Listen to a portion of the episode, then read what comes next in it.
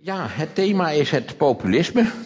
Dat is overigens een verschijnsel wat eigenlijk zo oud is als de democratie, maar waar we in Nederland maar in betrekkelijk beperkte mate mee hebben kennis gemaakt in de loop der jaren. Al zal ik u een aantal voorbeelden geven uit het recente verleden, maar wij denken natuurlijk allemaal als we het nu over het populisme hebben aan datgene wat Nederland in de afgelopen negen jaar is overkomen, zeg maar sinds de opkomst van de kale verlosser.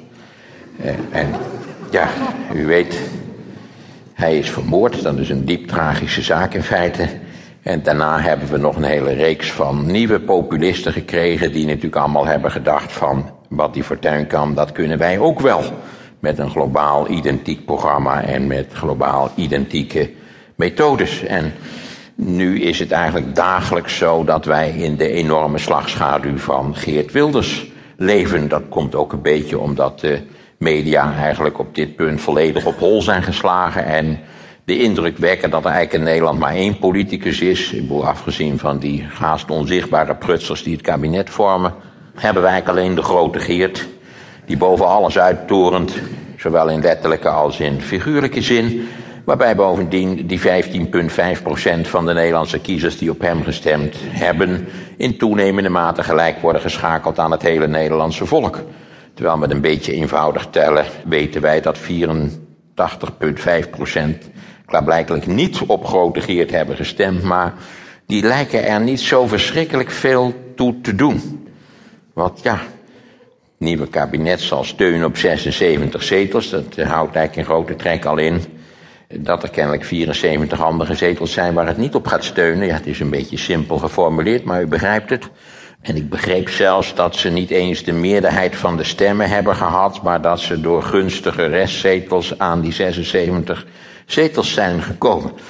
Je vraagt je ook wel eens af, weten de heren wel waar ze aan beginnen?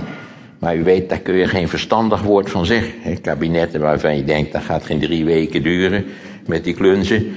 Die zitten er dan jaren, wat een perspectief, die zitten er jaren en jaren en kabinetten niet waar vol van politieke zwaargewichten en waar iedereen van denkt, die gaan het vaderland een wezenlijk andere koers geven, dat is al heel snel afgelopen. Denk aan het kabinet Biesheuvel, mooie Barend. Daar is het heel droevig en heel snel mee afgelopen. De vraag is eigenlijk, hoe komen we aan die populistische bewegingen? Want het zijn lang niet allemaal politieke partijen, het zijn vaak bewegingen. En het zijn bewegingen omdat eigenlijk de charismatische leider niet voor de voeten wil worden gelopen door een bestuur. Uit alle onderzoek van die populistische bewegingen van de afgelopen, laten we het even ruim nemen, kwart eeuw ongeveer, het recente West-Europese populisme, want het Nederlandse populisme is een onderdeel van een veel breder fenomeen wat zich in alle West-Europese landen heeft voorgedaan. Bij al die onderzoeken naar de motivatie van de kiezers van die bewegingen blijkt in grote trekken hetzelfde. Ongeveer 80% van de motivatie, als je dat uitsplitst, blijkt in feite gebaseerd te zijn op de immigratiekwestie. Dat geldt ook voor Pim Fortuyn in de tijd, dat geldt voor Geert Wilders. Ook mensen die nooit een allochtoon zien, die blijken zich toch enorme zorgen te maken over, hè, neem een dorp als Maasbree, waar geloof ik 40% van de bevolking op Grote Geert heeft gestemd. In Maasbree is bij mijn weten nog nooit een allochtoon geweest. En als u er ooit geweest bent, kunt u zich voorstellen dat er ook geen enkele behoefte bestaat bij de allochtoon om dit dorp eh, te gaan bezoeken. Maar desondanks maken ze zich in Maasbree ernstige zorgen. En eigenlijk blijkt het dat over die immigratiekwestie men zich in brede zin in Nederland ernstige zorgen maakt. Er zijn ook allerlei mensen die zich er zorgen over maken, maar die toch weer niet op de PVV willen stemmen, maar die daar toch op enige wijze, nou misschien niet wakker van liggen, maar toch bezorgd over zijn. Laten we het maar zo formuleren. En laten we eens naar de cijfers kijken, want dat is interessant genoeg. Laten we eens kijken naar de Nederlandse allochtonen. Hoe definieert het Centraal Bureau voor de Statistiek een allochtoon? Dat is elke persoon die één ouder heeft die in het buitenland is geboren.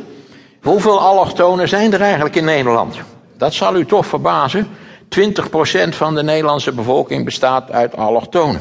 Dus als we even snel doorrekenen, zit je dik boven de 3 miljoen personen in Nederland die één ouder hebben die in het buitenland is geboren.